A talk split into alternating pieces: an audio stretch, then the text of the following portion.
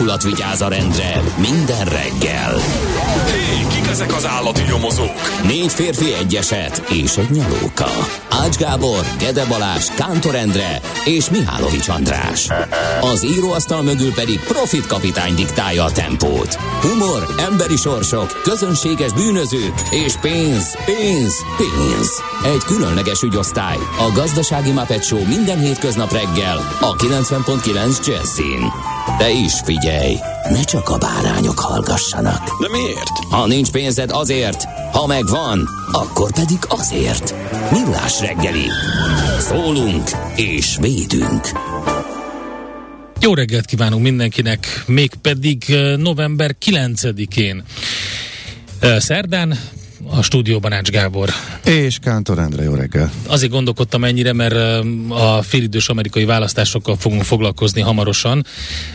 Az Egyesült Államokban hívjuk Dobozi Istvánt, a Világbank volt vezető közgazdászát, aki beszámol arról, hogy milyen eredmények születtek az exit polok, mit mondanak, és hogy mit prognosztizálnak a nagy vezető amerikai televíziós csatornák. Hát nem is csak exit polok vannak, egészen konkrétan. Vannak eredmények is, de leütött. ugye össze-vissza jönnek be az eredmények. Floridában például ugye már korábban elkezdik kibontani a, az eredményeket, de vannak olyan államok, ahol meg kell várni addig, amíg az összes szavazó leadta a voksát, és utána tudják csak még a levélben benyújtottakat is kibontani. Tehát ugye állami szabályozások uh-huh. is vannak. Vannak már eredmények. Van, már leütöttek, ami már biztosnak matematikailag lehetne még változás, de van egy jó, van egy jó működő rendszer, amikor kihirdetik, amikor leütik, hogy na akkor ez már eldőlt, de bonyolult matek alapján, de szinte mindig működik, és ez alapján döntetlennek látszik a szenátus, ami az nagyon-nagyon érdekes. Pont úgy, mint eddig. Pontosan ez, ez, a, ez, ez jobb, volt a lényeg, hogy vörös cunamira, vagy hát piros cunamira számítottak, Igen. és nem lett belőle csak ilyen piros folydogálás. Tehát ami biztosan látszik, hogy uh, nem buknak akkor át a demokraták, illetve nem nyernek akkor át a republikánusok, Igen, mint ami néhány előjelzésben volt, illetve az előjelzések átlagából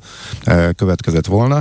Uh, tehát jelen állás szerint uh, már csak néhány hely kiadó a szenátusban, és ha azok úgy alakulnak, ahogy a jelen állás szerint előre vár, várható, akkor ismét kijön a 50-50, tehát a teljesen azonos szavazatarány, amikor is az alelnök szavazata dönt. Nagyon-nagyon érdekes és izgalmas, és a képviselőházban sincsen akkora, akkora többség, többség, mint amekkora erre az előjelzések alapján számítottak. Számítani lehetett. Nyernek a republikánusok, ez egyértelmű volt, hónapok óta ez, ez nem volt kétség, de kisebb mértékben, mint amit a várakozások. Ennyit látunk most, de nem sokára, rögtön a következő körben hívjuk Így ugye a Doboz Istvánt, úgyhogy majd akkor részletesen belemegyünk. Hát meg Na persze abban is ennek mi jelentősége. Milyen um, kinek uh, kívánhatunk boldog névnapot. A tivadaroknak nagyon boldog névnapot kívánunk, és a fedoroknak, nátánoknak, natánieleknek, oresztészeknek is.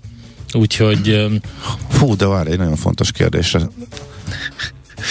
Most még van időnk erre? Mi a fontos kérdés? Hát ebben a pillanatban megírta a kedves hallgató, pedig volt tegnap egy kérdés, amire az volt a válasz, hogy ezt nem tudjuk, mert ezt majd Ede tudja kikiabáltam Zsoc kollégának is, hogy mi is volt az, aki... Nem tudom.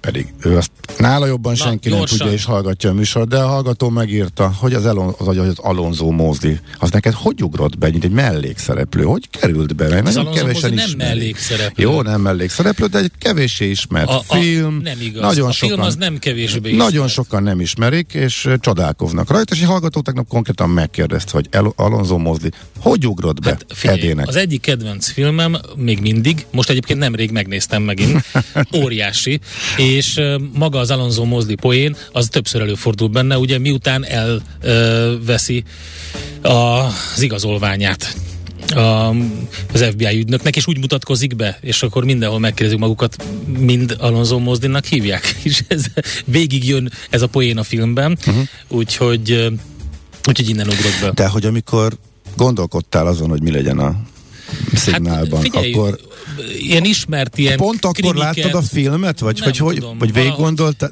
Na, e- e- ez, ez volt érdekes, a kérdés. Hogy, ilyen hát ismert krimiket. Jó, már te sem emlékszel, hogy pontosan hogyan jött. Jó? a mondásai, mint a Kalambónak többek között, vagy jutottak eszembe, és itt az Alonso Mosley, mint karakter valahogy beugrott, igen. Na, nézzük Jó, akkor még, megyünk. hogy... Még egy dolog. De két dolog. Utána átadom, a, át, átadom a terepet. Jó reggelt! Csak üzenetek. Az Ági nem hiszi el nekem, hogy a múltkor beolvastatok egy üzenetemet. Ma lettem 40, felköszöntenétek engem. megint nem fogja elhinni, de föl. Ki az az Ági? Teljesen mindegy. Jó, na. Kedves hallgató, boldog... föl van köszöntve a 40. születésnapján, és... Hogy hívják a hallgatót? Nem derül ki. Hát ez ja, de, mi, de kiderül, Miki. Igen, csak nem olvastam Miki, végig. A, nagyon igen. boldog 40. születésnapot kívánunk neked innen a Millás reggeli stúdiójából. Ági, azonnal hidd el Mikinek, nem tudom mibe fogadtatok, de remélem nem abba, de a lényeg a lényeg, hogy, hogy igen. De beolvastuk. És Breaking d ismét megpróbáltak. Ismét, és megint nem jött össze. 20 perc. Nincs meg a 10 évek óta várom, hogy 20 perc alá kerüljön, de nem sikerült. Nem jön össze az a 19, az a nyomva 19 pedig azt írja, hogy teli hold most sem hagyott aludni, erre tekintettel korábban indultam. Így jött ki a 20 perces menetidő Zugló Hermina mezőre. Viszont van egy fontos közlekedési információ előrejelzés. Úgy jött ki a 20 perc, amikor még kicsi volt a forgalom, hogy a Szerencs utcai lámpa után van egy új túrás, a középső sávban útbontás és ja, zárás, igen. tehát az M3-ason. Ezt tegnap kezdték el, vagy tegnap előtt, hétfőn, ugye, uh-huh. és uh, sajnos ott még egy ideig ez lesz, ott valami gázvezetékcsere van, vagy valami ilyesmi, és ott uh, egy sávos Aha, akkor lehet, ezért volt tegnap is kicsit hosszabb, úgyhogy már az M3-as bevezetőről külön Burkolatjavítás van az a lényeg, csak egyszerűen burkolatjavítás. Van hmm. továbbra is sávlezárás, van az M3-as bevezető szakaszán. Oké. Okay. Na, Na jöhetnek a névnapjaid. Hát, de azt már elmondtam, Akkor a, a azok közül a Fedora a legizgalmasabb, a női változatában Fedora. Na, azt mondja, hogy Budapesten 1941-ben ezen a napon vezették be az új forgalmi rendet, a jobboldali közlekedést. Mert képzeld el, uh-huh. hogy vidéken ez már július óta érvényben volt, tehát ha kimentél Budapestről... Na, az hogy volt a csere ott? Az, tehát, az hogy vezették át? Az szóval? kőkemény volt, ha, ha tehát az egyik, talán, én, ha jól emlékszem, az egyik Budapest Noir könyvben ez, erről van szó, Aha. de lehet, hogy a hogy a, az írónak egy másik könyvében, de, az, de valamelyik, valamelyik könyvben erről van szó, tényleg ilyen Csak elképzeltem, hogy, lehet, hogy az Osztyapenkónál így mindenki keresztez, mindenki Igen. átmegy a túloldalra, mert Igen. ott vége van a budapesti rendszernek, és... Igen. és ugye azért kellett bevezetni a jobboldali közlekedést, mert az nem a briteknek a Ahogy, közlekedési most rendszere. Európában, ahol a baloldali megmaradt, az mind sziget, ha jól emlékszem. Ugye uh-huh. Nagy-Britannia, Ciprus, igen. Ciprus, Málta, ugye, ahol igen, igen. maradt a brit Talán rendszer. még a Jersey szigeteken. Igen, de ugye nincs ilyen szárazföldi határ, ahol ebből... Biztos, ha, ez, ez, ez, igen, ha jól emlék. Na mindegy, megírják a hallgatók, ha nem így van. Aztán még egy érdekes dátum, 93-ban a horvát tüzérség lerombolta az öreg hidat Mostárban. Ugye borzasztó cselekedet uh-huh. volt, a 16. században épült, ugye azóta vissza építették a hidat, de ez egy elképesztő dolog volt, emlékszem a délszláv háborúnak egy ilyen teljesen fölösleges uh-huh. lépése. Na, Csodálatos egyébként, újjáépít, újjá, újjáépítve, és az egész város nekem egyik legnagyobb, legkellemesebb meglepetés volt az összes kirándulásom alkalmával, mennyire, mennyire e, szuper jó hely, gyönyörű, és áthatja a történelem, és az egész elképesztően jó, már Mostár. Tehát mindenkinek javaslom, hogy menjen el egyszer oda. Születésnaposok közül kiemeljük Kertész Imrét, irodalmi Nobel-díjas, Kossuth díjas magyar írót, műfordítót, ő 1929-ben született. Carl Sagan, amerikai csillagászt, ismeretterjesztő, zseniális dokumentumfilmekben és könyvekben is tanulhatunk tőle sok mindent 1934-ben. Alessandro Del Piero, olasz labdarúgót, aki 74-es születésű, egy óriási név volt nagyon-nagyon sokáig az Azúroknak a csapatát is erősítette, és azért hagytam a legvégére, mert egy fantasztikus sztori, majd, majd vele azért kéne foglalkoznunk egy kicsit bővebben. Hédi Lamár 1914-ben született, osztrák születésű, félig magyar az édesanyja révén egy koncertzongorista volt az anyukája, ő magyar származású volt, de Hédi Lemár osztrák születésű, és végülis amerikai színésznő és feltaláló lett belőle, és elképesztő érdekes a sztori. Magát a, a, a filmet, amiben, amiben berobbant az Alzsírt, 1938-ban mutatták be, onnantól minden nő elkezdte utánozni ezt a tipikus Hédi Lamár frizurát, ami volt, tehát egy óriási e, díva volt, és egy nagy idol lett belőle, viszont a találmányai is nagyon fontosak, amit a második világháborúban a torpedóknak a, a távoli irányítására használtak. Egy ilyen frekvenciaugrást talált ki, e, illetve, hogy egy bizonyos más találmányok alapján ezt tökéletesítette, hogy ne lehessen zavarni azokat a jeleket, ami a, amivel a torpedókat irányítják, és képzeld, ugyanezt a módszert használják még mind a mai napig a Bluetooth kapcsolatoknál például, ezt a frekvenciaugrást. Tehát Hédi már egy ilyen elképesztő életúttal rendelkező feltaláló színésznő. Nem is tudom, hogy melyiket fontosabb említeni. Úgyhogy érdemes olvasgatni róla. Nagyon érdekes életútja volt. Azt írja a kedves hallgató, hogy a Gödöllői héven megmaradt a baloldali közlekedés. Így van, ez egy magyar különlegesség. E, tényleg Beszéltünk is róla, hogy miért, de már nem emlékszem, hogy ahogy alakult ez így, de a mai napig így megy. Viszont Európában egy csomó országban a vasúton megmaradt. Tehát uh-huh. már a kontinentális Európában is a vasúton baloldali közlekedés van Olaszországban is például, ahol legfeltűnőbb volt így, ahol az elmúlt hetekben jártam, de szerintem ott valahol a Benelux államok környékén is, nem most nem emlékszem, hogy melyikben. Igen, ez érdekes.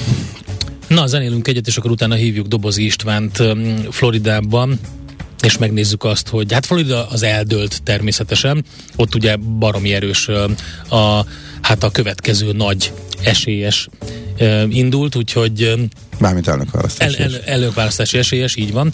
Úgyhogy, de Florida is most már egyértelmű, hogy republikánus állam lett, de nézzük meg, hogy egyáltalán hogy állnak a választások, és hogy ez mit hozhat az Egyesült Államok politikájában. Nézz is! Ne csak hallgass! millásreggeli.hu Midterm elections, tehát félidős amerikai választások, és az eredményeket fogjuk megbeszélni, amit eddig tudunk Dobozi Istvánnal, a Világbank volt vezető közgazdászával, aki élőben jelentkezik floridai idő szerint most éjszaka. Jó reggelt nekünk, jó, jó, jó éjszakát neked, szervusz! Szervusz, jó reggelt nektek, és üdvözlöm a kedves hallgatókat. Na mit tudnak az amerikaiak, akik a keleti parton most éppen lefekszenek, illetve a nyugati parton is nem sokára? Hogy áll a választ? Jelenállás szerint mi az, amit biztosan kijelenthetünk? Hát nagyon körömrágos este volt ez, különösen a republikánusok számára, mert eddig nem úgy alakulnak az események, ahogy ezt ők tervezték, vagy várták, és sokkal jobban alakulnak a dolgok a demokraták számára, akiknél sokan már fölkészültek arra, hogy ebből egy nagy verés lesz ma este, tekintettel arra, hogy milyen a gazdasági helyzet, infláció, és... Megvan egy valami népszerűtlen elnök. És Biden Bidennek a uh-huh. igen alacsony népszerűsége, 40 százalékos, ami, ami megdöbbentően alacsony. Tehát ebben a helyzetben az volt az általános várakozás, hogy ebből csak a republikánusok jöhetnek ki, ebből kijöhet egy vörös hullám, ugye vörös a republikánusoknak a pártszíne, sőt még egy cunámi is kijöhet, beszéltek 40-50 delegátus többséggel a képviselőházban, és abban is reménykedtek, hogy a szenátusban fölényhez jut jutnak.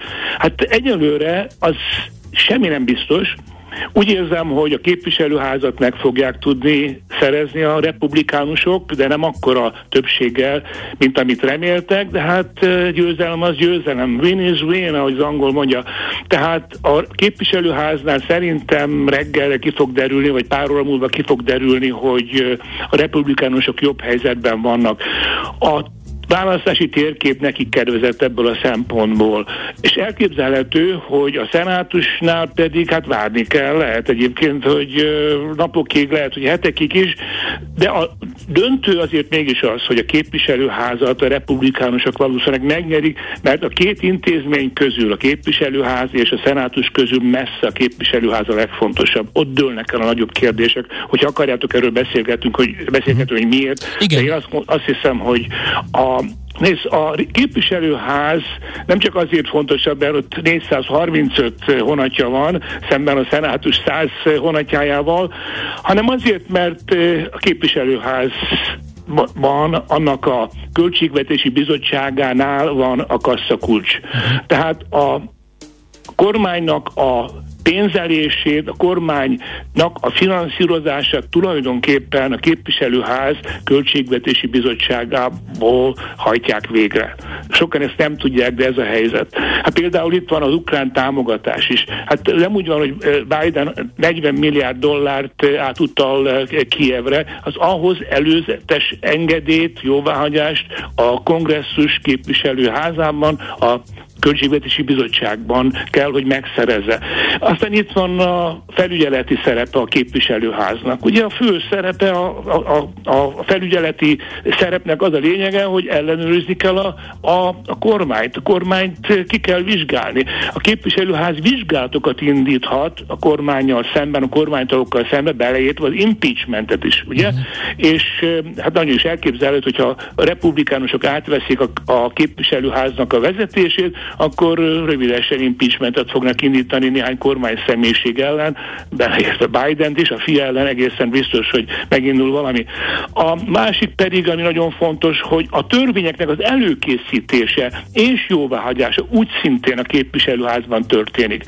Tehát a szenátus inkább azt lehet mondani, hogy másodlagos fontosságú, tehát hogyha nem nyerik meg a republikánusok a szenátust, akkor sem veszett el a fejszenyere, mert a fő intézményt, a képviselőházat, tehát az alsóházat magukénak tudhatják, és onnan diktálhatnak. Uh-huh. Ha viszont ez így van, ezt eddig is tudtuk, hogy ez így fog történni, ez lényegében száz százalékban biztos volt, hogy a képviselőházat átveszik a republikánusok. Mi a jelentőség annak, hogy ez sokkal, a vártnál sokkal kisebb e, többséggel e, teszik meg? Ez volt, ezt, sokan ezt úgy próbálták értelmezni, hogy egyfajta szavazás a Trump vonal megerősödéséről, Igen. illetve a radikálisokról a republikánusokról, ez hogyan érintheti az elnök aspiránsi esélyeket a két év múlva esedékes következő elnök választásra? Igen, ez a nagyon jó kérdés, Gábor. Itt a két dologról van szó. Tehát lehet értékelni a ma estét két szempontból. Az egyik, hogy milyen hatással lesz Biden hátralévő két évére. Uh-huh. Ez is fontos, igen. Egy, uh-huh. egy bénakacsa, akinek ugye a törvényhozási tevékenysége leszűkül, a mozgástere leszűkül.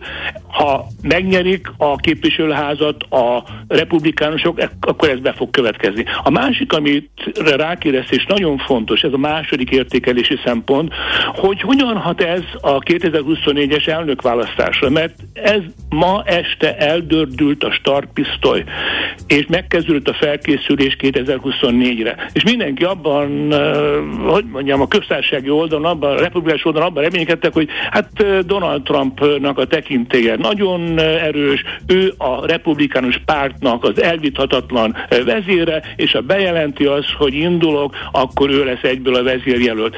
Na, a ma estének egyik legnagyobb vesztesége, vesztese Donald Trump. Tudnék, nagyon sok olyan uh, induló jelölt, akiket ő nagyon támogatott, és akik az ő mága filozófiáját osztják, belétve azt is, hogy elcsalták a 2020-as választást Donald Trumptól, és ezek úgynevezett election deniers, tehát akik, akik akkor tudják elfogadni a választás, hogyha ők győznek, hanem akkor csalás volt. Hát bár most is egyébként belengedték eh, ma este folyamán eh, több eh, republikánus is, hogy hát utána kell nézni, hogy mi történt például Arizonában.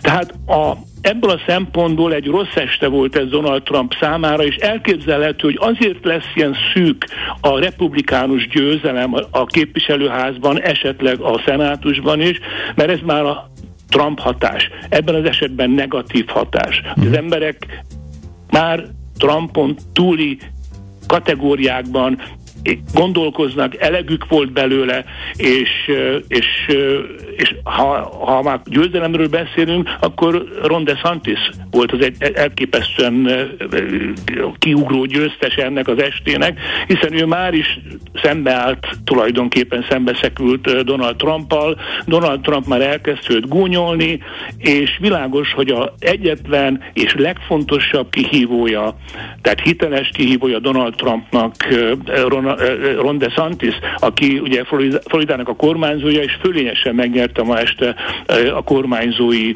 kormányzói választást. Tehát tényleg nagyon érdekes alakulnak a dolgok. Én szerintem biztosra lehet majdnem venni, hogy 2024-ben a republikánusoknak már nem szabad Donald Trumpban uh-huh. gondolkodni. Igen, és ugye ez, ez fontos, fontos, fontos abból a szempontból is, hogy a, a, ezek az election denier között elég sok ilyen QAnonos ö, pacák is van, lehetett a híreket hallani, de nagyon érdekes és drámai szalagcímek jelentek meg az Egyesült Államokban az elmúlt napokban, többek között az általad említett ö, Red Tsunami, de volt egy ilyen is, hogy az új McCarthy korszak kezdődik, ugye utalva erre Kevin McCarthy-ra. Igen. Néző egy, nem tudom, hogy mit akarsz kapcsolatban kérdezni, hát ő egy, egy nagyon ilyen bizonytalan figura, egy nem egy erős személyiség, Aha. ő gyakorlatilag hát úgy mozog, ahogy a szél fúj, ugye, szembe szegült Trumpal a januári, tavaly januári lázadás idején, utána mindent visszaszívott, és, és kibékült Donald Trumpal.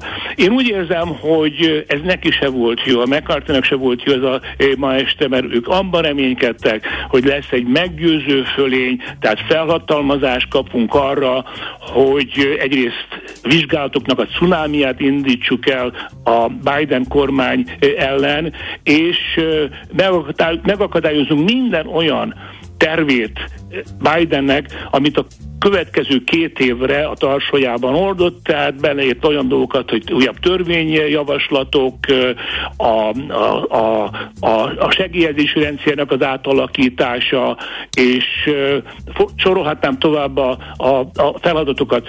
A fő cél az volt, hogy hogy Bidennek a hátralévő két évét nagyon megnehezítsék, ennek következtében egy, egy kudarcos időszakot tudhassanak a demokraták maguk mögött, és simán megnyerjék a 2024-es választásokat, ugye meg két év múlva megint uh-huh. választás lesz Amerikában, nem csak elnök választás lesz, hanem megint megismétlődik ez a ma esti cirkusz, tehát a képviselőház minden tagját újra, újra választják, a, a szenátus egyharmadát, a kormányzók یه تاره مداد داد اها Bidennek a programját meg lehet torpedózni, akkor az jó lesz a, a, a, a, a mhm. republikánusoknak, és ez a fő cél. És McCarthy ezt már tulajdonképpen be is hirdette, hogy a felperzselt föld taktikáját fogják követni a kormányjal szemben. Aha, de akkor így valószínűleg már nem még, lehet, hogy mégsem így lesz, hogy itt kisebb lett azért a vártnál. Egy, egy olyan érdekes értelmezését olvastam a, a, a mostan várható eredményeknek, tehát a vártnál szűkebb republikánus többségnek a képviselőházban, eh, és a szenátusban akár lehet egyelő is az eredmény jelenállás eh, szerint, uh-huh. hogy nyilvánvalóan így is csak akadályozni fogják, és nem lesz olyan hatékony a kormányzati munka. Mert egy érdekes kérdés lesz arra is kitérhetünk, hogy a piacok miért örülnek ennek rendkívüli módon, mert hogy nem tud nagyon költekezni Biden, vagy hogy miért jó az a tőzsdének, hogyha a bénakacsa effektus valósul meg. De visszatérve arra a kilátásokra, a, a demokratáknak ez, ez alapján, az értelmezés alapján, amire hivatkozom, jó az, hogy most a következő két évben szinte lehetetlen az embereket leginkább érintő problémákat kezelni. A benzinár magas, a hitelköltségek elszálltak, lesz egy elszegényedés, reálbérek csökkennek. Így viszont, hogy a republikánusok többségbe kerülnek a képviselőházban, lehet rájuk is mutogatni, hogy miattuk nem sikerült megoldani. Tehát ez a következő elnökválasztáson a demokratáknak akár még jó is lehet, mert nem egyedül viselik mostantól a felelősséget azokért a problémákért, amit igazából nem lehet gyorsan megoldani, hát és igen, az emberek bőrén vissza, vissza, visszafelesülhet el ez a nagy inflációs fegyver, ugye, amit folyamatosan felhasználtak a, a kampányidőszakban is Biden ellen. Uh-huh. Nézd, a, az infláció érdekes módon nem lett akkor a kérdés, mint ahogy ezt hm. előre jósolták, mert annak alapján már, az infláció alapján, a gazdasági, rossz gazdasági helyzet alapján sokkal nagyobb republikánus fölény kellett volna, hogy kialakuljon. Annak ellenére, hogy a republikánusok egyáltalán nem tehetnek egyébként a gazdasági helyzetről, az inflációról sem, mert ez tulajdonképpen a Biden kormány idézte elő a felelőtlen eh, költekezéssel. Tehát a mentőcsomaggal, amit eh, tavaly márciusban elindítottak, 1,9 trillió dolláros programmal, amire már nem volt szükség, mert a gazdaság már robogott, tehát lendületben volt, nagyon gyorsan visszapattant a Covid recesszióból. Ennek ellenére Biden és a stábja úgy gondolkozott, hogy pumpálni kell a pénzt a gazdaságban, mert ez jó jöhet a, a választásokon. Már lehet, hogy igazuk volt egyébként. Most így utólag lehet. Szavazatvásárlás volt, előzetes szavazatvásárlás volt, csomó pénzt adtak, egy átlagos család 5000 dollárt kapott, helikopterpénzt. Hmm. Tehát ingyenes állami pénzt a semmiért. Ezeknek az embereknek nem volt erre szükségük. Aztán a kis közepes vállalatok kaptak rengeteg pénzt, nagyon sok csalásra jutott hozzá ezek az összegekhez. Ez mindebből a hatalmas, hatalmas helikopter csomagból került hozzájuk. Tehát Biden esetében ki lehet mutatni azt, hogy az infláció felelés volt. Tehát az infláció, ami most 8% fölött van, annak több mint egyharmada visszavezethető erre a értelmetlen költekezésre, aminek ezek szerint mégiscsak volt egy politikai motivuma, hogy, hogy szavazatokat vásároljanak, a jelenlegi szavazatokat vásároljanak. Na most visszatérve a, a a republikánusokra. Ha megnyerik a képviselőházat, akkor a Költségvetési Bizottságnak republikánus elnöke lesz. És az a republikánus elnök azt akarja majd bizonyítani, hogy fegyelmezett költségvetést folytatunk, visszavesszük a kiadásokat, még megkísérjük azt is, hogy a szövetségi kormánynak az adósság plafonját nem engedjük, hogy növekedjen, hogy ez egy óriási zsarolási eszköz a republikánusok kezébe. De nagyjából hogy, látszik, hogy 23-ban egy óriási és hetekig tartó vita lesz megint a plafon emelésről, hogy akkor hogyan is Igen, igen, és akkor fönnáll ugye az amerikai Egyesült Államok kormányának ugye a fizetés képtelensége. És az, hogy a hitel minősítő cégek még egyszer, másodszor is az Amerikát leminősítik. Ilyen nem volt Amerika történetében, csak egyszer. Tehát a De ugye politik, politikailag megy... lehet egymásra mutogatni innentől kezdve, tehát mind a ketten a másikat tudják majd vádolni onnantól jó, kezdve. de republikánusok arra kinek jó. törekedni, hogy helyreállítsák a költségvetési fegyelmet. Hogyha a republikánusok vezetik a költségvetési bizottságot, tehát a kasszakulcs náluk van, akkor nyilvánvalóan nem engedik az, hogy Bidennek a programjai, amelyek között igen, igen, igen, azt lehet mondani, hogy nagy összegű programok vannak, hogy azok megvalósuljanak. Mm. Tehát gyakorlatilag Biden a programjáról már nagy lemondhat úgy, ahogy van, mert a, a republikánusok nem fognak hozzájárulni semmilyen olyan finanszírozáshoz, ami, ami, ami számukra a költekezést jelenti. De egyébként benne van az Ukrajnának jutott támogatás is. Na, ezt, bocsánat, bocsánat sokan... ezt, ezt külön hadd kérdezzem meg, elnézést, csak így közbevág vágok. Igen. Az, hogy a, a Trumpista jelöltek szerepelnek kifejezetten rosszul, és hogy ezt el lehet, lehet úgy értekelni, hogy a Trump vonal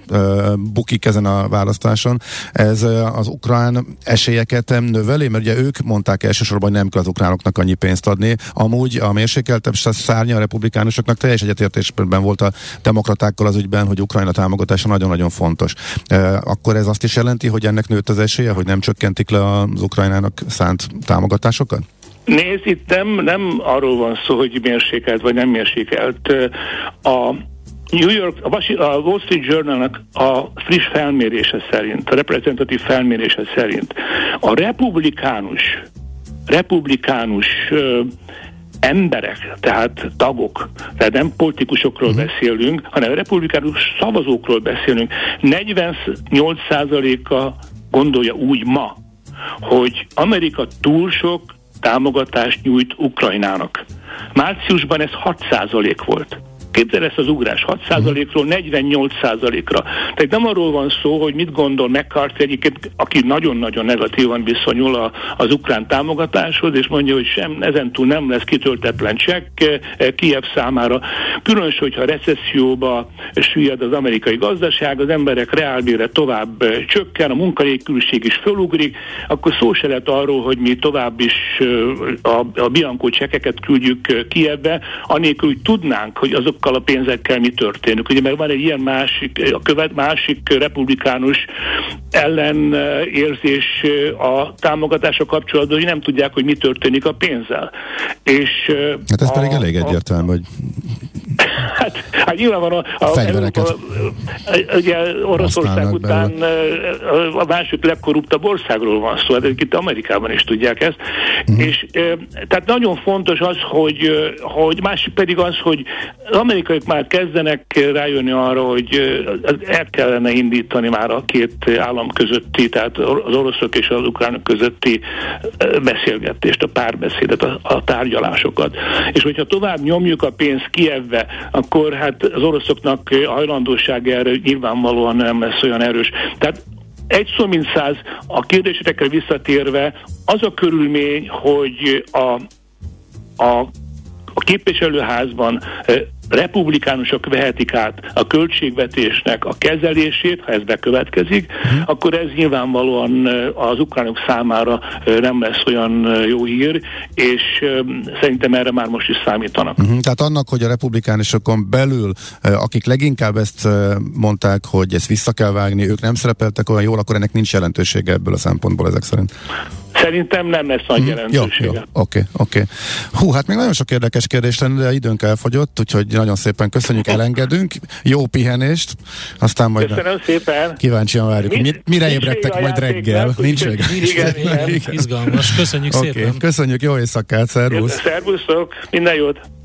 Doboz Istvánnal beszélgettünk, a Világbank volt vezető közgazdászával, Floridából számolt be nekünk arról, hogy mit lát ő a midterm elections félidős amerikai választások kapcsán. Itt van velünk a stúdióban Czoller Andika, jó reggelt, szia! Jó reggelt! Wow, kifli nincs, de ilyen nagyon Álmos kellemes hang. hang. Hát Ez nekem egy kellemes bugó hang volt. Tehát, hogy ilyenki kell látnak témával most, úgyhogy fölpöröghetsz egész nap fel, úgyhogy nem. Követted Követ, élőben követted. végig hát, folyamatosan, mi történik? Jó. Egész éjjel fönn volt Igen, szerintem, szerintem is. Hát is úgy néz ki. Hát, ha igen, akkor semmi. Jó, oké. Okay.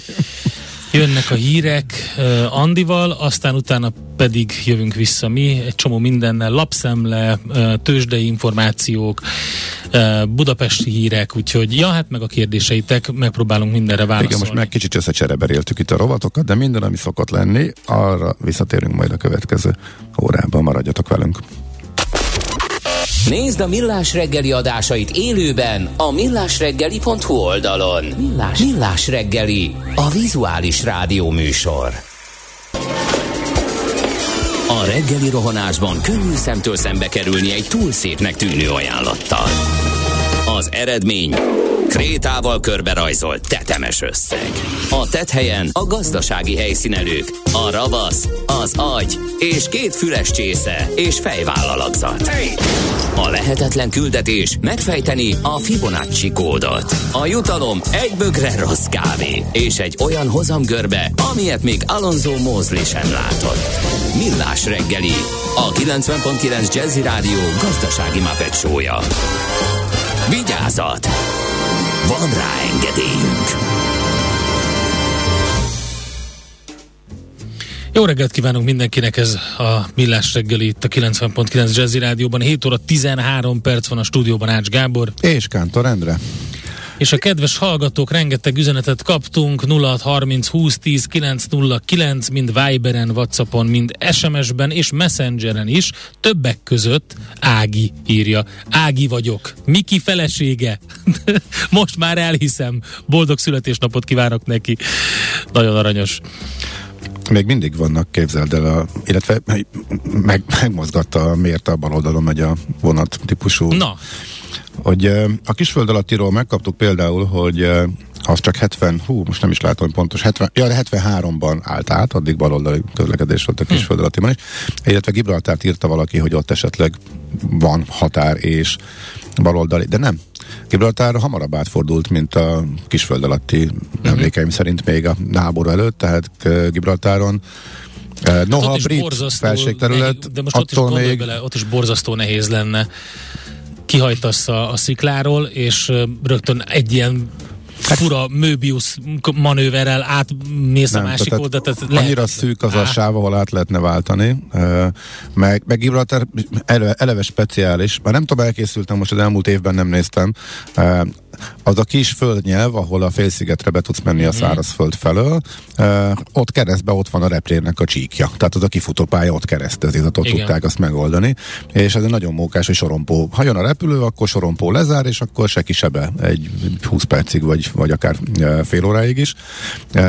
És már tíz éve építik az aluljárót, hogy ezt ki lehessen kerülni. Nem tudom, most éppen nem tudom, elkészült-e. De lényeg az, hogy Gibraltáron is jobboldali közlekedés van, annak ellenére, hogy brit felségterület. Azért beszélünk erről, működik. mert 1941-ben ezen a napon vezették be Budapesten az új forgalmi rendet, a jobboldali közlekedést, és fura, hogy vidéken ez már június 6-a óta érvényben volt, uh-huh.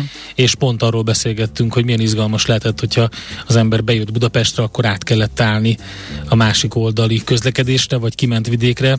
Nem nagyon sok autó rohangált, de azért mégis voltak gépjárművek már, úgyhogy izgalmas lehetett a szitu. Na nézzük, milyen közlekedési infóink vannak.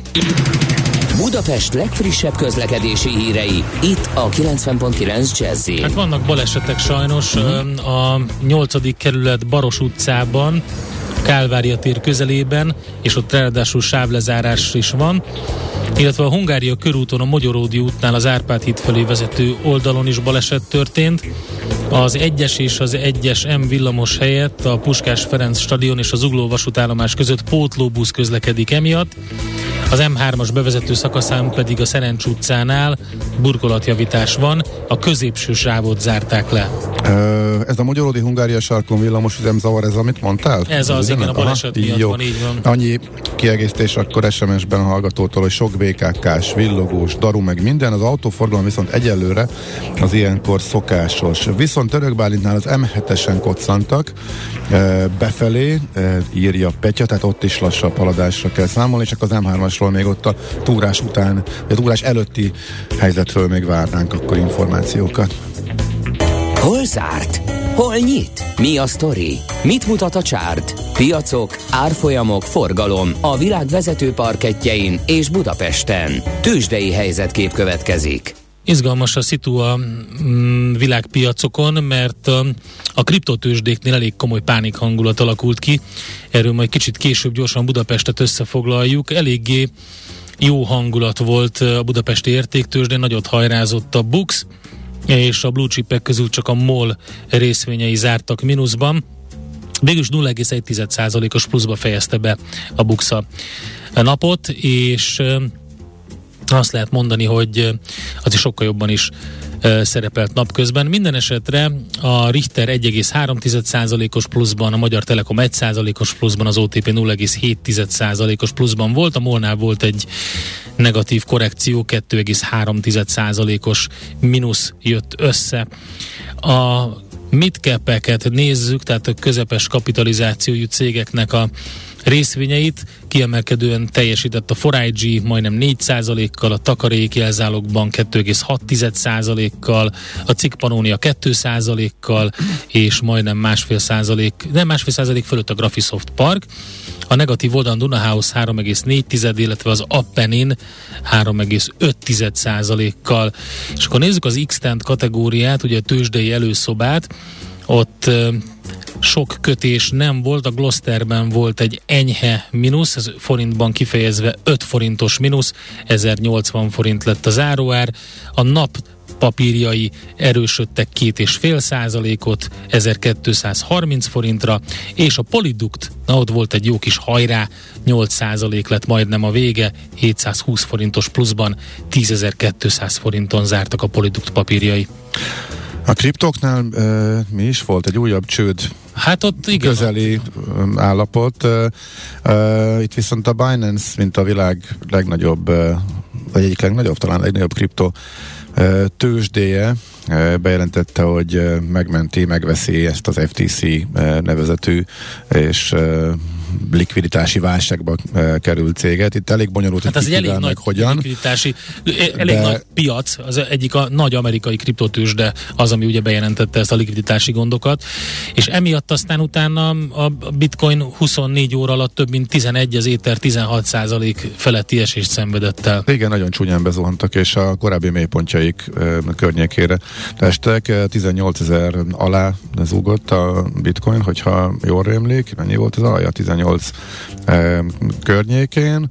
E, ezzel bedőlt az éves minimum? Igen, azt hiszem, hogy 18 cég nem esett le még az előző nagy zakó óta se, amikor e, 30-ról esett 20-ig egy húzattyúba, azóta itt van, pattan föl, meg, meg megy le, de ez egy újabb e, mélypont, és az Ethereumnál is e, hasonló a helyzet, illetve az Ethernél úgyhogy eh, a kriptopiacokat ez mozgatta, semmiféle összefüggés a tőzsdékkel nem volt, tehát ez egy eléggé kriptospecifikus eh, történet.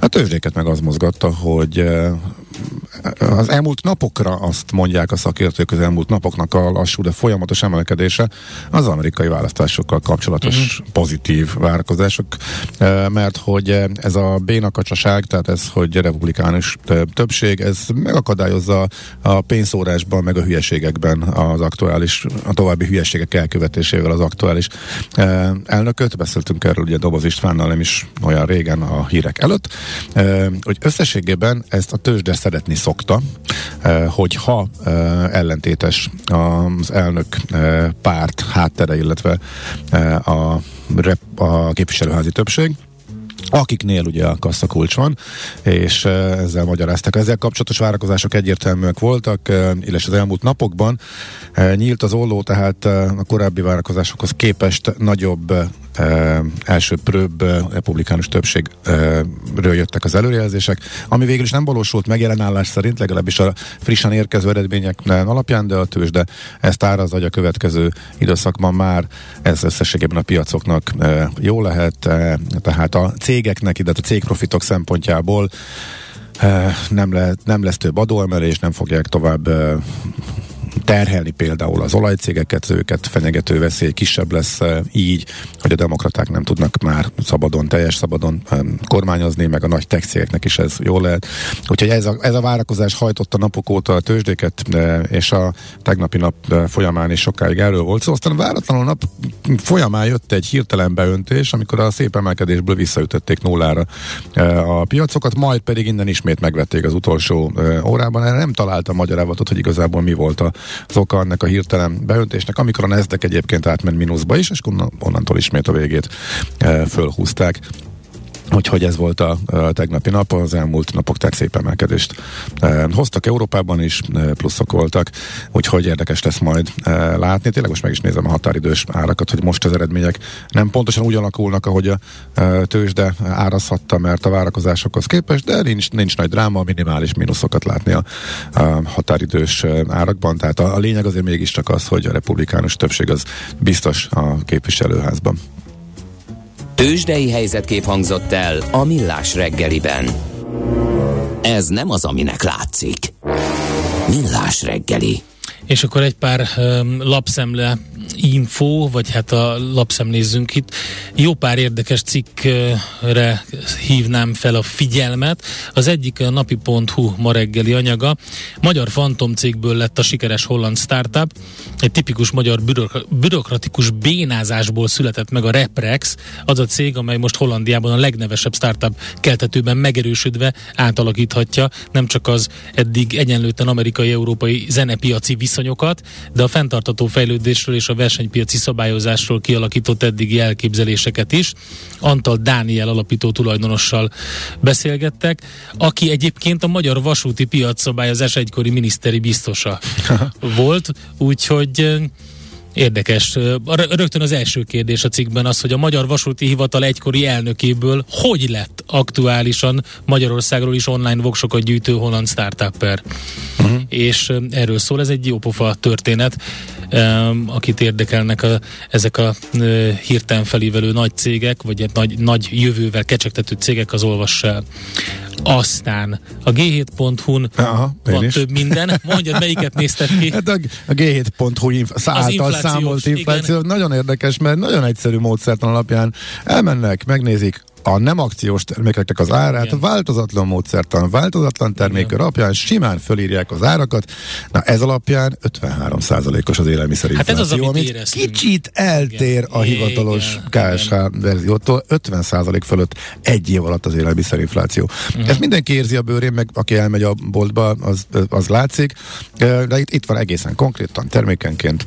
És ugye az a baj, ez 42 termék van. Átlag ugye a terméknek, a, a, a, tehát egy átlaginfláció a termékkosárnak, a termékkosárnak. Uh-huh. Az, tehát ugye van olyan termék, ami irgalmatlan, brutálisan emelkedett, többek között a vaj, és még lehetne emlegetni, és, és nagyon érdekes dolgot vettem észre.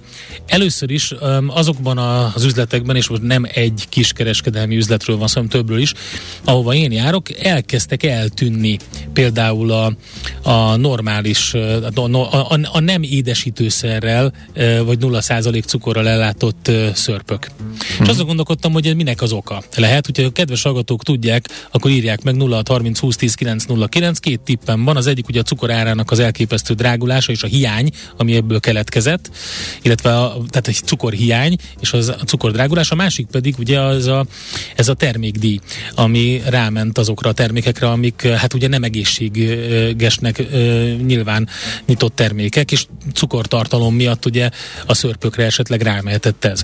Úgyhogy ezt a kettő, ez a kettő tippem lehet, hogy egyrészt nem is lehet kapni, hogyha lehet kapni, akkor pedig nagyon nagy drágulást láttam ezeknél a szörpöknél. Úgyhogy például ez az egyik olyan dolog, ami, ami van. Na, mi van még a G7 címmel? Még, hát még csak annyi, hogy itt a, az Aldi, Lidl, Penny, Tesco görbe azért nagyjából együtt mm-hmm. mozgott. A Tesco többször is pici drágább volt, de volt, amikor a többiek alá ment. Nagyon látványosan elvált ez elmúlt néhány hónapban itt a G7.hu inflációs görbében, hogy a Tesco jóval drágább lett. Tehát a Tesco mm-hmm. már magasabb lett az emelkedés. Tényleg nagyon érdekes látni, hogy ezek kerülgetik egymást ezek a görbék, és most az lett, hogy a a Lidl, amely szinte mindig a második legolcsóbb, vagy a legolcsóbb, most a Tesco utáni második eh, legdrágább lett, eh, és a Penny az Aldi és a Lidl közé eh, érkezett, úgyhogy a legtöbbször, az Aldi jó sokáig nem tudott a legolcsóbb lenni, egy vagy két hónap volt csak, amikor az Aldi jött ki legolcsóbbnak. Nincs nagy különbség egyébként, ez tényleg valahol csak játék a számokkal. Most az Aldi jött ki legolcsóbbnak, de az, az, az nagyon látványos, hogy a Tesco robbantott, és a Tesco föl ment. Ja, és bo- bocsánat, még a, hát, érdekes lenne, a szörpöket emlegetem, de a kenyérinfláció. Ja, ja, hát persze. az brutális. Ugye azt a prognózisok szerint 2023-ban 2000 forint lehet egy kiló uh-huh. kenyér. Meg most a kávé csomagolásban ja. van a, a mhm. trükközés, a, a, a, a, az, összement, összement a méret valami egészen vállalatlan tört számra, ahogy így sikerül kisporálni, a kisporol azonos áron a kávét. Ez a legújabb eh, fölfedezés ebben a műfajban, de hát ugye ez, ez, ez velünk marad, és ez eddig is működött. Úgyhogy Akit a részletek érdekelnek, g7.hu, ott tudja elolvasni ezt az inflációs összesítést. Budapest, Budapest, te csodás! Hírek, információk, érdekességek, események Budapestről és környékéről. Na, a legfontosabb információ Budapest egy, kapcsán. Egy, mindent elhomályos. Egy mindenek Se, felett. Nem, nincs más. Semmit emögé nem, emellé nem tudok betenni, mint hogy eltűnnek a kockai karuszok az utolsó útjukrat, megünneplik. Pénteken lehet elmenni. Az Ikarus 260-as és 280-as klasszikus buszok, amelyekkel én is gyerekkorom óta a legtöbbet utaztam, utolsó kilométereiket teszik meg a menetrend szerinti forgalomban a hét folyamán. Hát ahol még ezek járnak eddig, ott most is fognak közlekedni, mert ezt például nem is tudtam, hogy a 260-as, tehát a szóló kocka Icarus, az a 98-as, meg a 182, a meg még néhány vonalon jár, és az Icarus 435-ös és az utolsó köreit futja, viszont ezeket majd beállítják. Melyik volt a leg... Um nagyobb klasszikus a, ezek közül a járatok közül? Hát figyelj, szerintem ez a 262-80-as széria. Tehát ez, ez, De hogy már, mint hogy budapesti járatot mondok, hogy számot mondok. Hát szerintem a piros hetesen. Piros hetes. Hát, a hetes. É, és, a, és a hetesen be fog állni, van ebből egy olyan példány, ami még a régi, volt egy időszak, amikor egy pirosra volt festve az eleje kék, azt is beállítják pénteken, tehát pénteken lehet menni. És a hetes vonalon azt, lehet a, hete, a hetes, hetes EN, nem tudom miért nem küldik végig az egész hetesen legalább Budára, Aha. hogy régen is volt a piros hetes, Igen. de most csak a hetes EN írják, hogy a hetes az most egy megfelezett, hát az csak Újpalota és a Blaha között jár a hetes Mert e. ugye az, az, hogy is a, az a Móriczról ment, nem? Nem, még dél, még Dél-Budáról. Még, De hát várját, a Kosztolányi, a Kelenföldi, Kelenföldről, és a piros hetes a pályaudvarról indult, a Kelenföldi pályaudvarról. És utána úgy volt, hogy Kosztolányi és Móricz? Vagy uh, valamelyik, valamelyik végig, végig ment. Ugye Kosztolányi Móricz, és utána pedig megállt még egy helyen Budán szerintem, és utána már csak a felszabon állt meg. Megállt ugye a központban, Megállt... a Kelenföld központban, utána Kosztolányi Móricz, és a, Móricz, kor, bocsánat, kórháznál, Szent Imre kórháznál. Uh, A Móricz-tól a felszabtérig már nem állt meg, a gyors, tehát a piros. A piros nem állt a meg, így van. A másik, a fekete, az megállt két helyen is, még a És, és így, mai napig emlékszem, tehát ezek iszonyat gyorsan mentek. Tehát Igen, a legvadabb tényleg. sofőrök ezen meg a leg... tényleg gyorsan mentek. É, tehát hát a, a felszabtértől a, a Blaháig sem állt meg. Úgy rongyolt át az Asztórián 90-nel, hogy közben pattogott a villamos, és, és mint az őrült a belső sávba tolták. az egész ö, sávot az Asztórián, mert föl volt gyűrődve. Ugye a, a burkolat, és figyelj, én azzal el tudtam menni egészen a Csázár utcáig, Császár, András, Császár, Császár, Császár, András, Császár András igen. utcáig, igen, mert ott volt az egyetem, onnan be kell gyalogolni az ajtósinak, a, és egészen el tudtam menni a Móricról. De ott már csak a feketével, mert a piros a nem állt meg a így van, le kellett szállni a, a, a, a keletinél, átszállni a feketére. Na, a piros viszont le kellett ölni. Tehát vége lett, mint Dezsőnek a tanúban. Tehát Dezsőnek meg kellett halni. Hát a piros mert, hetesnek is meg kellett halni. Mert? Amikor a metró elkészült. Ja, hát ja, ja, ja, ja. Annyira cikk lett volna, hogy a gyorsabb volt a busz, tehát a, a, a, akkor már 7 en éven a busz gyorsabb lett volna, mint a metró. Amúgy is baromi ciki volt, és sokkal kevesebben utaztak a metrón, mint amit terveztek vele, a négyes metrón. Úgyhogy ki kellett nyírni mellőle a buszt, e, és akkor ez lett a vége. Akkor mondom a másik ikonikus hetesnek. járatot. A hetes volt az egyik, a másik pedig a hármas, ami kiment Budatétényre. Igen. Az volt a másik ikonikus járat. Igen, és annak is volt piros verzió. Az, az például, ugye nagyon sok egyetemista járt oda a kollégium miatt, és azon, azon a vonalon, és nagyon sok um, szakmunkás és uh, szakmunkás képzős járt, ezért aztán a hármas járatnak volt egy klasszikus hármas köre, ami egy kocsmakör volt. Minden, meg, minden megállóba volt egy kocsma. És hogyha, hogyha az ember ott minden megállóban lehet és ivott egy szörpöt, minden kocsmában, akkor kérdés, hogy végig tudta-e csinálni a hármas kört. Oda-vissza. Az egy bonyolult sztori. Te az egyes buszra emlékszel meg? Várjál, az is nagyon rémlik nekem. És volt piros egyes. Az hol volt az egyes? Kelenföld. Ja, igen. Viszont igen, az, az követte a, a villamos sint és a met és a kisföld alatt is, tehát párhuzamosan volt, hogy ezek elég hamar kigyomlálták. Az nem tudom, nekem hány éve, de ki elment a hősök, hősök teréig, uh-huh. és ennek is volt.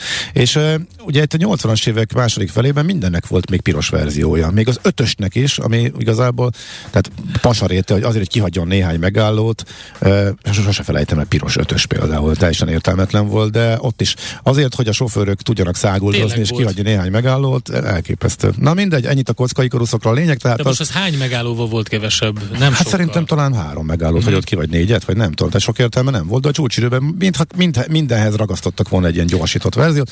A lényeg az, szóval hogy lehet most ezek, még menni egyet a hétvégén. És pénteken beáll a hetes vonalára is, e, és akkor utoljára közlekednek elvileg. Még úgy tűnik, hogy még a csuklós, tehát a 280-as az még benne maradt pár hétig menetrendben mm-hmm. valahol még ilyen külsőbb e, területeken, de hivatalosan a kockai koruszok most pénteken búcsúznak a menetrend szerinti forgalomtól. Nekünk a Gellért hegy a Himalája. A Millás reggeli fővárossal és környékével foglalkozó rovata hangzott el. A szerencse fia vagy? Esetleg a szerencse lánya? Hogy kiderüljön, másra nincs szükséged, mint a helyes válaszra. Játék következik. A helyes megfejtést beküldők között minden nap kisorsolunk egy Dell MS 3320 W vezeték nélküli egeret a Grupa Ma arénában november végén megrendezendő Dell Technologies fórumot szervező Dell Technologies Magyarország Kft. jóvoltából. Mai kérdésünk pedig a következő. Mikor jelent meg a Dell első laptopja? A. 1989-ben, B. 1991-ben, vagy C. 1992-ben. A helyes megfejtéseket ma délután 16 óráig várjuk a játékkukat jazzy.hu e-mail címre. Kedvezzem ma neked a szerencse! Hamarosan jövünk vissza KKV hírekkel, illetve majd eh, e-commerce rovatunkban arról beszélgetünk, hogy milyen elektronikus fizetési megoldásokat használunk.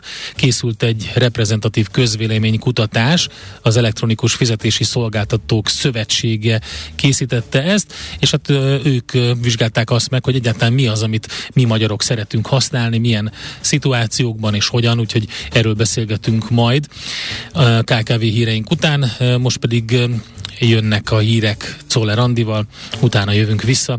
Lehet nekünk írni 0630 20 10 909. Ezt tudtad? A Millás reggelit nem csak hallgatni, nézni is lehet. Millásreggeli.hu Benne vagyunk a tévében. Kicsi, Közepes, de semmi esetre sem nagy. Nem a méret a lényeg, hanem a vállalkozó szellem. A Millás reggeli KKV hírei következnek. Hát nem sok jóra Hát ezzel nincs mit szépíteni. A KK, KK KNH, KKV bizalmindex soha még ekkora, ekkorát nem esett, mint most, és soha ennyire alacsonyan nem állt, mint most a legfrissebb. 17 pontos visszaeséssel a pozitív tartományból zakózott, zuhant a mínusz 14 pontig. Ez azt jelenti, hogy nagyon-nagyon pessimisták a kis és középvállalkozások a következő időszakot illetően. Hát, hogy az ágazatok közül kik romlottak leginkább, az ipari és a szolgáltató cégek várakozásai mindkét esetben jelentős mértékben 21 ponttal esett az index. E, így aztán az ipari cégek mínusz 18 ponton, a szolgáltató cégek mínusz 14 ponton állnak, a kereskedők várakozásai is el, hasonlóan alacsonyak, mínusz 15 pontos e, itt az érték, de... De van egy pozitív igen. szektor, amelyik fölfelé, amelynek javultak a kilátásai, talán a frissen beígért támogatások, hát nem tudni, mezőgazdaság plusz 5 pont. Uh-huh cégnagyság alapján a 100 millió forint alatti mikro... Nem, az, az pozitív tartományban maradt a mezőgazdaság, de itt is egy visszaesés történt, tehát romlottak a várakozások, csak ők sikerült még pozitív tartományban ja, maradniuk. Az a, ja, a plusz uh-huh. igen, igen, a plusz 5 az a mostani érték. Így van, a mostani csak érték. Fölötte maradtak igen. a... Uh-huh. Hát minden esetre ez egy, ez egy eléggé komoly esés, amióta számolják ezt a KKV bizalmi indexet, eddig még nem volt ekkora uh-huh. visszaesés. És akkor a cégméret alapján, amivel belekezdtem, a mikrocégek, ez a 100 millió forint alatti árbevételt jelenti, illetve a kisvállalkozások is, ez a 100 és a 300 millió forint közötti éves árbevétel mínusz 15 pontra estek, tehát ott sokkal nagyobb a pessimizmus, mint a középvállalkozások körében, akik a 300 millió fölötti árbevételű cégek kategóriája. Náluk idézőjelben mondom, hogy csak mínusz 7 pontra esett a mutató.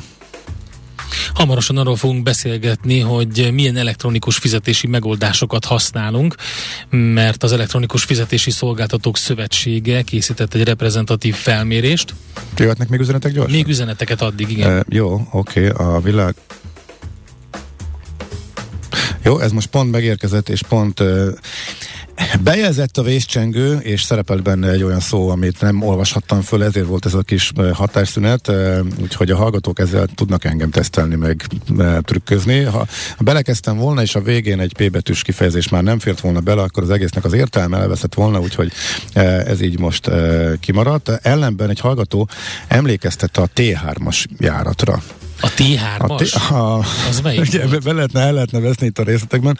Nagykovácsi Moszkva tér, közvetlen járat. T3, és 20, 20 perc alatt beért, uh, nagy, csak Nagykovács, nagy, ugye, Nagykovácsiban megállt néhány helyen, utána csak Adiliget uh, hüvi, Igen. és utána a Moszfáig uh, csak rongyolt. Én azt szeretném kérdezni a hallgatóktól, hogy ki emlékszik arra, hogy a T mit jelentett? Tehát mit, miért T3-asnak hívták ezt a Szuper. járatot? De neked, neked, neked meg, meg van? Nincs meg, én nekem kimaradtak. Jó, van, van még néhány ilyen buszos dolog, de kíváncsiak, hogy hányan emlékeznek rá, szóval miért T jelzésű volt ez a járat? Veszel-e? Eladod-e? Kanapéról-e? Irodából-e? Mobilról-e? Laptopról-e? Kényelmesen, biztonságosan, rengeteg ajánlat közül válogatva, időspórolva, ugye-e, hogy jó? Mert ott van a mágikus E. E-Business. A millás reggeli elkereskedelmi rovata, ahol mindenki számára kiderül, hogy online miért jó üzletelni. Na, mint mondtam, egy érdekes reprezentatív kutatás készült azzal kapcsolatban, hogy milyen elektronikus fizetési megoldásokat használunk. Dávid Házi Gábor, az Elektronikus Fizetési Szolgáltatók Szövetségének a főtitkára, az EFIS-nek a főtitkára van itt a vonalban. Jó reggelt kívánunk, szervusz! Szervusztok, jó reggelt, én is köszöntöm a hallgatókat. Na mi derült ki, hogy mit szeretünk mi használni ezek közül a szolgáltatások közül magyarok? Hát igazából én onnan, onnan indítanék, hogy ugye mi minden évben elkészítjük ezeket a kutatásokat, ugye öt, öt éve van EFIS, és igyekszünk minden évben különböző témákra fókuszálva elkészíteni kutatásokat. Ebben, a, ebben az időszakban ez ősszel készült ez a reprezentatív véleménykutatás, ugye vizsgáltuk az elektronikus fizetési megoldásokat használó körében, hogy milyen, milyen eszközökkel szeretnek fizetni.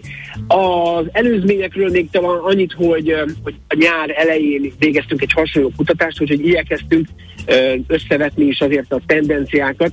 Mindjárt kezdeném egy, egy olyan jó hírrel, hogy igazából változatlan az a tendencia, hogy a, a, az elektronikus fizetés, mint, mint, mint egy, egy fizetési mód, ez egy, ez egy nagyon népszerű. A banki átutalás változatlanul 94%-on a, a, a nyerő.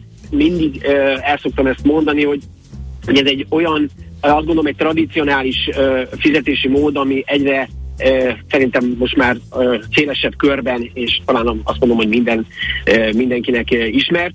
Gyorsan oda kell tenni mögé, hogy ugye jönnek föl az egyéb fizetési megoldások, tehát ugyanúgy látjuk, hogy a, a, a, a mobiltelefonon történt fizetés, illetve az egyéb típusú fizetések, alternatív fizetések, amikre szintén ke, egy, egy elég jó tendencia indul el.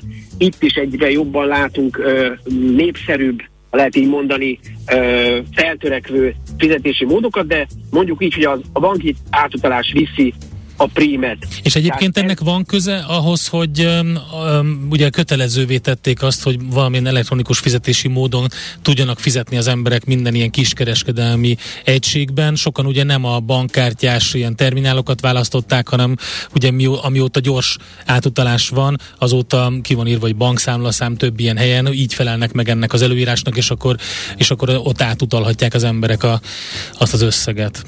Abszolút, abszolút. Én azt gondolom, hogy, hogy a, a kereskedelmben igazából ez robbanásszerűen meg is jelent. Tehát, uh-huh. tehát ahogy a, az ember mondjuk egy, egy piacon is szembesül azzal, hogy egy, egy, egy, egy, egy készpénz fizetés helyett kapok egy, egy, egy, egy POS lehetőséget, ahol gyorsan ezt meg tudom oldani, mindenképpen, mindenképpen hozzá, hozzá kell ezt tenni. És hát igen, ennek a népszerűségnek azért ugye nagyon sok olyan feltörekvő piaci szereplő is van, aki azért ezt gerjeszti, és hát itt nem szabad elmenni ugye a, a fiatalok mellett, akik ugye azért ezt nagyon gyorsan meg is tanulják, és ők már kihagynak egy-két egy-két lépést a, az iskolában, és egyből a legújabb fizetési technológiákkal ismerkednek, és hát használják tulajdonképpen készségszinten.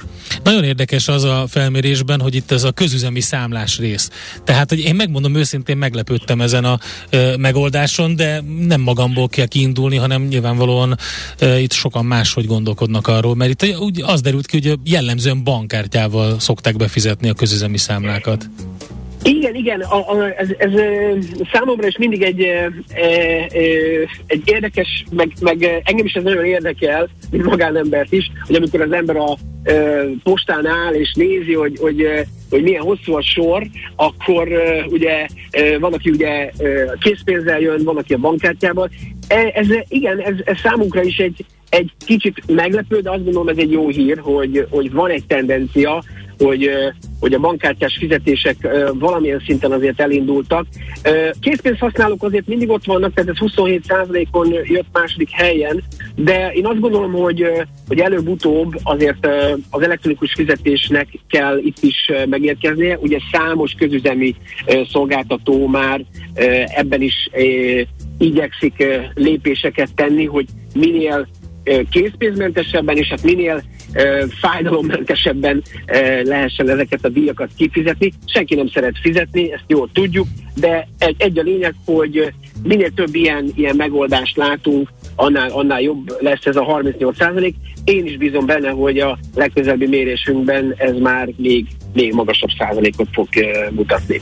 Gondolom itt azért a, a, a különböző applikációk elterjedésének is köszönhető ez, amikor igen, igen, hogy igen. egyszerűen meg lehet ezt tenni, ugye otthonról egy, egy akár egy m, mm, kamera segítségével.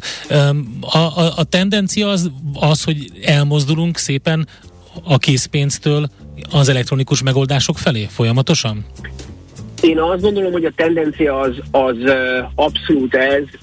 Változottan az a tendencia, hogy az elektronikus fizetések megjeleni, megjelenése az különböző szektorokban meg elindul, és, és ahol van azt gondolom, hogy helye, ott, ott biztos, hogy, hogy töri az utat maga előtt.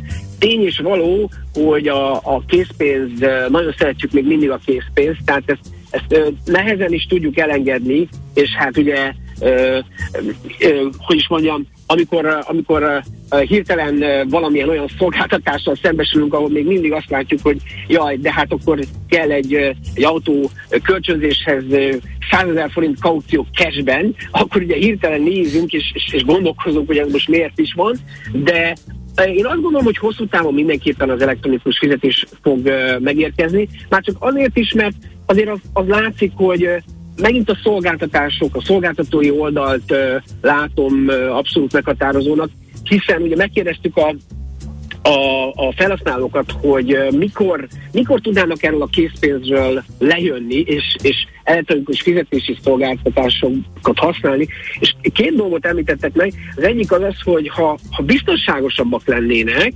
a mostaninál, akkor ők biztos, hogy átváltanának, ez egy érdekes visszajelzés, 17 A másik pedig, hogyha kaphatnának kedvezményeket. Aha. És ez az egyik kedvenc témám egyébként. A, hát ezzel elég sok mindenki ebbe az, most már... Ebbe az irányba igen. haladunk, igen. Igen, igen, és, és ebben én azt gondolom, hogy nagyon nagy potenciál van. Magyarországon egyébként ez az egész loyalty és kedvezmény ö, szektor nagyon gyerekcipőbe jár. Én azt, azt várom, vagy azt gondolom, hogy egyre több ilyen kedvezmény alapú szolgáltatást fogunk látni, ahol igen, meg, megjönnek azok az ösztönzők, amiből, amiből a szolgáltató már látja, hogy igen, ez, ez már egy olyan, olyan catch, amire, amire a, a felhasználó boldogan fog ö, átterelődni, és igen, ezáltal ugye ö, transzparensebb és hát ö, átláthatóbb az egész, egész folyamat sokkal, sokkal követhetőbb lesz, és hogy érdekes a biztonság kérdése. Ugye ez mindig visszapattan, és uh, még mindig uh, vannak azok a tradicionálisan azt gondolom ellenállók, mondjuk így, akik még mindig a készpénzt tartják legbiztonságosabbnak.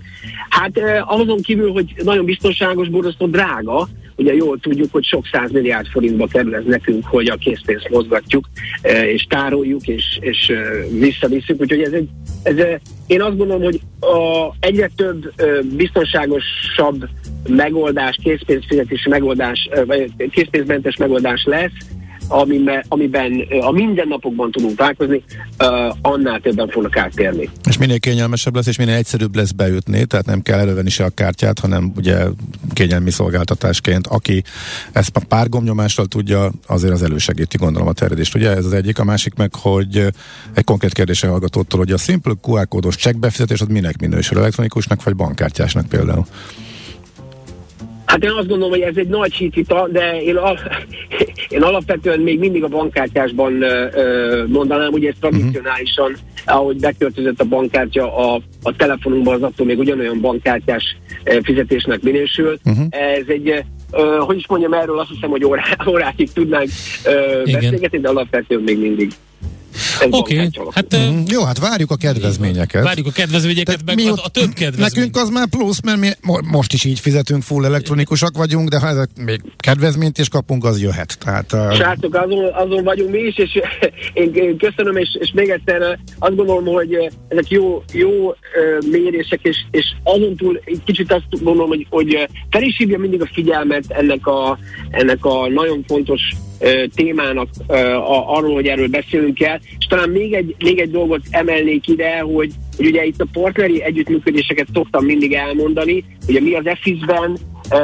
ezt, ezt műveljük, és azóta is talán pont nálatok jártunk, amikor a, az Európai Szövetségünket megalapítottuk. Igen.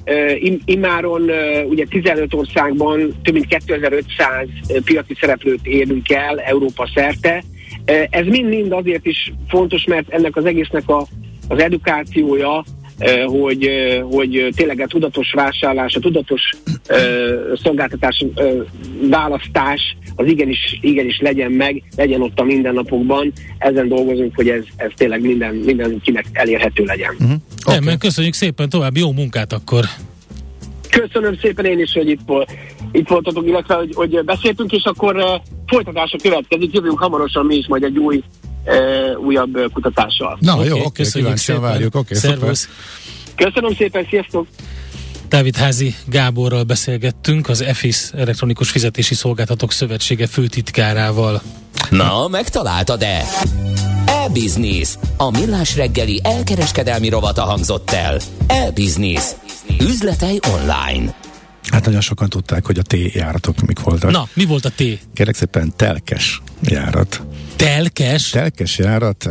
A története annyi, és egyébként... Mármint, hogy a rendesen te, a telekre járó Igen, járat. most, rá, most rákerestem. És volt még ezen kívül? Rákerestem, és egészen elképesztően részletes Wikipédia oldala van az összes telkes járatnak, eh, amelynek kiderül, hogy a BKV a 80-as években már annyira jó anyagi körülmények között gazdálkodhatott, így is visszatekintve azért, hát figyelj, ez a nagyon durva. Ez Tehát, nagyon most ugye hol vagyunk, hogy a menetrendi járatok mellett számos speciális járatot is tudott üzemeltetni, és a lakosság igények fölmérése kapcsán kiderült, hogy komoly igény van a budai agglomerációba idén jellegű gyorsjáratok indítására a hétvégi ház tulajdonosok kiszolgálására, Aha. hogy kimehessenek a telekre, és ezek mentek uh, egyrészt uh, Uh, Solymárra, Nagykovácsiba, Diósdra, és most hirtelen nem emlékszem, hogy a harmadik, a, a negyedik az pontosan hova. Nagykovácsiba, speciális, még telke van. És speciális menetrendje az volt. már rég nincs szerinte.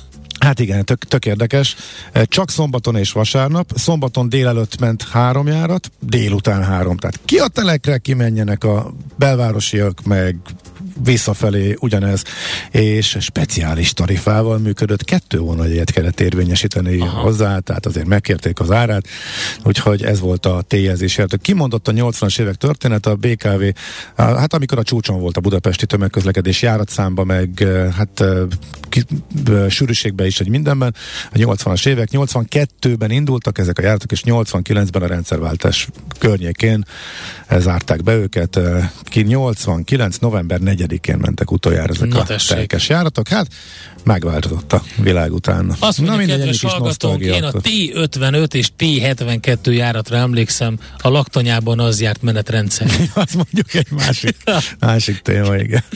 Oké, okay, na jövünk vissza nem sokára, mégpedig egy picit a Skodáról fogunk beszélgetni, a márka jövőjéről, magyar autópiaci aktualitásokról. Schiller Márk, a Schiller Autócsalád stratégiai és marketing igazgatója lesz a beszélgető partnerünk.